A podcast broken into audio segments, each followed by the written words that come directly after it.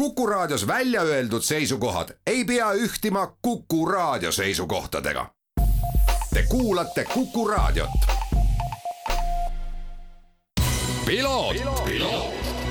ralli uudiste parima kvaliteedi tagavad Osmo õlivahad. Tervist, head Kuku raadio kuulajad, eetris järjekordne saade Piloot ja stuudios saatejuht Margus Kiiver möödunud nädalavahetus tõi meile taas kord äh, ühele nädalavahetusele kokku kaks olulist sarja autospordis. vormel üks etapp, hooaja teine etapp sõideti siis Saudi Araabias ja WRC sarja ehk siis autoralli MM-sarja kolmas etapp kihutati taas kord Mehhiko teedel, kus mõned aastad nüüd sõidetud ei ole. me räägime natukene pikemalt sellest, mismoodi Eesti inimesed selle kohta uudiseid loevad Postimehe sporditoimetuse juhi Henri Läänega telefoniintervjuus juba mõne hetke pärast, esmalt aga kiire kokkuvõte sellest, mis siis nädalavahetusel ka toimus Sebastian Ogier ning Vincent Landin võitsid siis Mehhiko MM-ralli. Ožeele oli see juba seitsmes Mehhiko MM-ralli võit, tema uus kaardilugeja Vincent Landin, aga sai siis tõusta poodiumile esimest korda Mehhikos Thierry Will ning Martin Veidache suutsid lõpuks null koma nelja sekundiga edestada Elfin Evansit ja Scott Martinit ning neljandana lõpetasid valitsevad maailmameistrid Kalle Roompere ja Jonne Haldunen Ott Tänaku ja Martin Järveoja koht on üheksas, aga usun, et see uudis ei ole kellelegi enam uudis, aga igaks juhuks kordame veel üle, ehk et nende paremale tulemusele pani Pitseri juba esimesel pikal katsel turboprobleemid ning pärast seda on Ott Tänak ka erinevates intervjuudes öelnud, et eks autoga harjumine võtab veel aega, aga rõõm oli näha, et taaskord punktikatselt suudeti koju tuua veel väga olulised neli punkti, lõpetades Sebastian Ogier ning Vincent Landin järel teisel kohal. Sebastian Ogier on nüüd maailmameistrivõistluste liider, viiskümmend kuus punkti, Neuvill teine viiekümne kolme punktiga, Kalle Rauapera on kolmas, viiskümmend kaks punkti ning Ott Tänakul on hetkel koos nelikümmend seitse punkti ja vormel üks sarja etapp sõideti siis nagu öeldud Saudi Araabias. etapivõidu võttis Red Bullil kihutanud Sergio Perez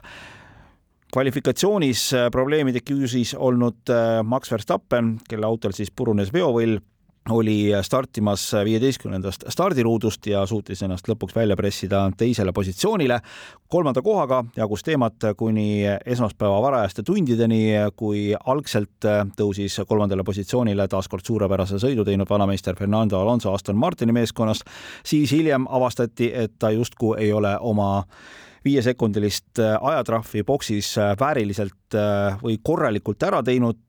viidati sellele, et üks mehaanikutest pani auto tungraua autole varem külge, aga, ja see tõstis siis kolmandale positsioonile Mercedese piloodi George Russelli, hiljem aga Aston Martin vaidlustas selle otsuse ja leiti, et sellist tegevust, kus siis tööriist pannakse auto külge viiesekundilise ajatrahvi puhul see on aktsepteeritud, aga ei ole aktsepteeritud see, kui keegi meeskonnaliikmetest hakkab auto kallal boksis tööd tegema enne, kui viiesekundiline karistus on ära mm, siis kulunud, nii et äh, hästi palju sellist segast teemat, aga lõppkokkuvõttes siis Fernando Alonso oma kolmanda koha kätte sai. nüüd siis äh, tervitame telefonil Postimehe sporditoimetuse juhti Henri Läänet ning äh, tuline ja mitte just võib-olla kõige parematelt töötundidega olnud nädalavahetus on selja taga ja uurime siis alustuseks, et kuidas Postimehe sporditoimetuse tervis pärast sellist rasket nädalavahetust ka on? no tervis on, on väga hea, eks nagu ikka, siis sellised, eriti kui räägime WRC-st, siis ähm, rallid, mis toimuvad eestlaste jaoks vägagi ebamugaval ajal, äh, on ka meile keerulised, aga samas äh, kuigi ta on ühest küljest keeruline, siis ma ütleks, et äh, see väljakutse, et ollagi öösel kell kaks, kolm, neli äh, üleval, äh, need meist, kes ei ole värsked isad, siis nende jaoks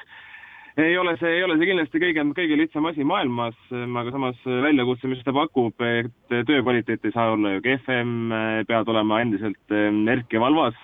siis, äh, siis äh, on tegelikult need üle, ülemererallid on, äh, on päris vahvad, ütleksin mina, et kui me siin eelmisel aastal veel ka ralliraadiot tegime Postimehes, siis ma ütleks isegi, et sellised, ütleme, Jaapan, Uus-Meremaa olidki minu, minu lemmikud, et ehm, see on eh, tegelikult väga kihvt kogemus ja väga teistsugune kogemus. Euroopa rallidega muidu oleme ju vägagi harjunud või noh, või rallidega, mis eestlastele normaalsel ajal toimuvad, et, et, et katsed käivad ja, ja elu läheb edasi, aga, aga kui on need ülemere võistluste aeg, siis see tähendab ju seda, et kogu fookus on sada protsenti täielikult sellel, mis, mis seal rallil, rallil toimub ja noh, vormel üks on selles mõttes eestlastele palju, palju mõnusam asi, et eh, on ta ju oluliselt lühem võistlus, eriti kui räägime pühapäevasest GP-st, siis äh, siis ta võib küll noh al, alati väga erinevatel aegadel, et kui eile siin algas kell seitse õhtul Saudi Araabias, järgmine etapp Austraalias algab ju kell kaheksa hommikul, siis see kõik on okei okay,, see ei ole kell kaks, kolm või neli öösel absoluutselt sinuga nõus, aga räägime natuke nende asjade populaarsusest ka. no selge on see, et, et ralli on äh, Eesti spordis või Eesti spordiajakirjanduses äh, mõnes mõttes selline nagu püha lehm, et, äh, et see ikka need klikid koju toob. Mm, kas nüüd seekord oli märgata ka inimeste mingisugust huvimuutust pärast seda, kui reedel esimesel kiiruskatsel sai selgeks, et Ott Tänakul ja Martin Järveojal nüüd nagu liiga kõrget tulemust sealt koju ei õnnestu tuua ja ilm, ilmselgelt see, see mõju on kohene, see mõju on ka, on, ka väga märgatav. samas, kui ähm, hommikul äh, vaatasin igasuguseid numbreid ja statistikat, noh, ega me ju ainult ei loe klikki, et äh, see oli selline võib-olla kakskümmend aastat tagasi mm, veebiajakirjanduse algusaastate värk, et, et klikk on, on, on täielik jumal ja mitte miski muu ei loe aga kui igasuguste jah, eh, igasuguste statistikat vaadata, siis äh, ma isegi natukene üllatusin, et seis oli üllatavalt hea. aga ma natukene arvan, et asi on ikkagi selles, et äh, ütleme nüüd Monte Carlo ja Rootsi ralliga äh, minul tekkis küll üpris kindel veendumus, üpris kindel on muidugi hea, on muidugi hea sõnapõr, aga ütleme, mul tekkis veendumus, et tegelikult see ralli hullus, mis me siin kaks tuhat kaheksateist, üheksateist nägime, Eh, on, eh, on naasmas, eh, sellepärast et kui võtame kas või Rootsi ralli, siis selle otseblogi Postimehes sai peaaegu miljon vaatamist kokku ja see on juba selline number, mille peale noh, ütleme, lõuad on maas ja ja, ja jahmatus on, on heas mõttes vägagi, vägagi suur ja, ja, ja seniks, kuniks Tänak ja Martin Järveoja äh, MM-tiitli heitluses ju, ju ähm, sees, sees on, siis ma arvan, et ega see huvi, äh, ma mõtlen just väga suur huvi, väga kõrgendatud huvi, et ega see, ega see pisemaks ei lähe. No see on äh, täiesti mõistetav, sest me oleme ikkagi selline saavutuspõhine rahvas ja kui äh, omad mehed on seal eesotsas võitlemas nüüd loodetavasti ikkagi taaskord MM-tiitli peale, siis küll neid, küll neid vaatajaid, lugejaid äh, sinna juurde tekib, mis omakorda tekitab ju tegelikult ka küsimuse, et, et kui nagu mujal maailmas öeldakse, et noh, F1 on nagu kuningala,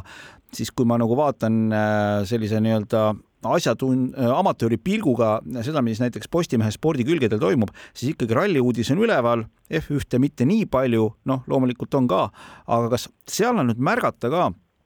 mingisugust sellist äh, tõusu läbi aastate, vaatamata sellele, et meil tegelikult äh, päris kõrges mängus oma meest sees ei ole? ma ütleks, et viimase sellise paari-kolme aastaga on äh, positiivne trend kindlasti vormel, vormel ühel olemas.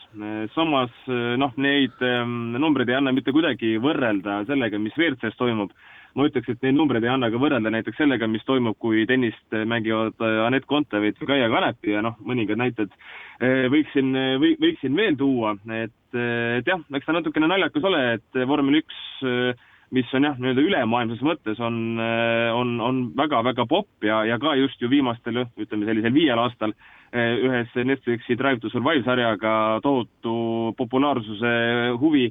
huvi endaga, endaga saanud, siis Eestis eh, jah, noh, päris sellist tormijooksu pole, aga ma arvan, et see on ka mõistetav, nagu sa ise ka ütlesid, siis eh, eestlane on, on väga saavutuspõhine rahvas, inglise keeles on selle kohta vahva väljend glory hunter, no ma ütleks, et eestlane on, on täielik glory hunter. ja, ja, ja, ja kui meil ka peaks tekkima näiteks eh, taas kas või näiteks ütleme F2 sarja mingisugune heal tasemel sõitja, nii nagu oli Jüri Vips Eh, siis tegelikult eh, Vipsi, noh, mis puudutas tema, tema sõite, tema tulemusi, tema igasuguseid kommentaare ja nii edasi, siis ka need olid tegelikult väga-väga heal tasemel loetavad, nii et kui Paul Aronil loodetavasti läheb seal F3-s väga hästi ja tulevad need järgmised sammud ka, siis, siis miks mitte ei võiks, ei võiks, ütleme, see vormelimaailm olla siis võib-olla selline järgmine WRC kas äh, võib siis jah, tegelikult Paul Aronist rääkides, et kas võib ka juba märgata, et mingisugune selline natukene kõrgendatum huvi on olemas, sest võib-olla paljud äh, paljud spordisõbrad selle FIA F3 sarja nüüd enda jaoks on ka rohkem jälle avastanud? Pauli puhul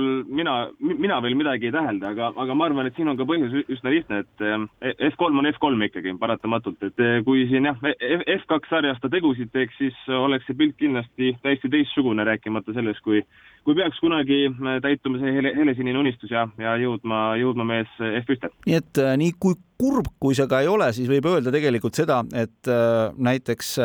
WRC kahe või siis ka Euroopa meistrivõistluste sellised uudiste loetavused ei hakka mitte kunagi tõusma sellele tasemele, mis on WRC, ilmselt kahjuks küll kahjuks küll, sellepärast et ega kui noh, WRC kaks on, ma arvan, see on väga hea näide, mina ütleks, et WRC kaks sel hooajal vahet vist isegi ei ole, kus me sõidame, võib-olla Keenia on ainus selline nii-öelda küsimärgi koht, et, et palju seal ekipaaž ähm, rajal on.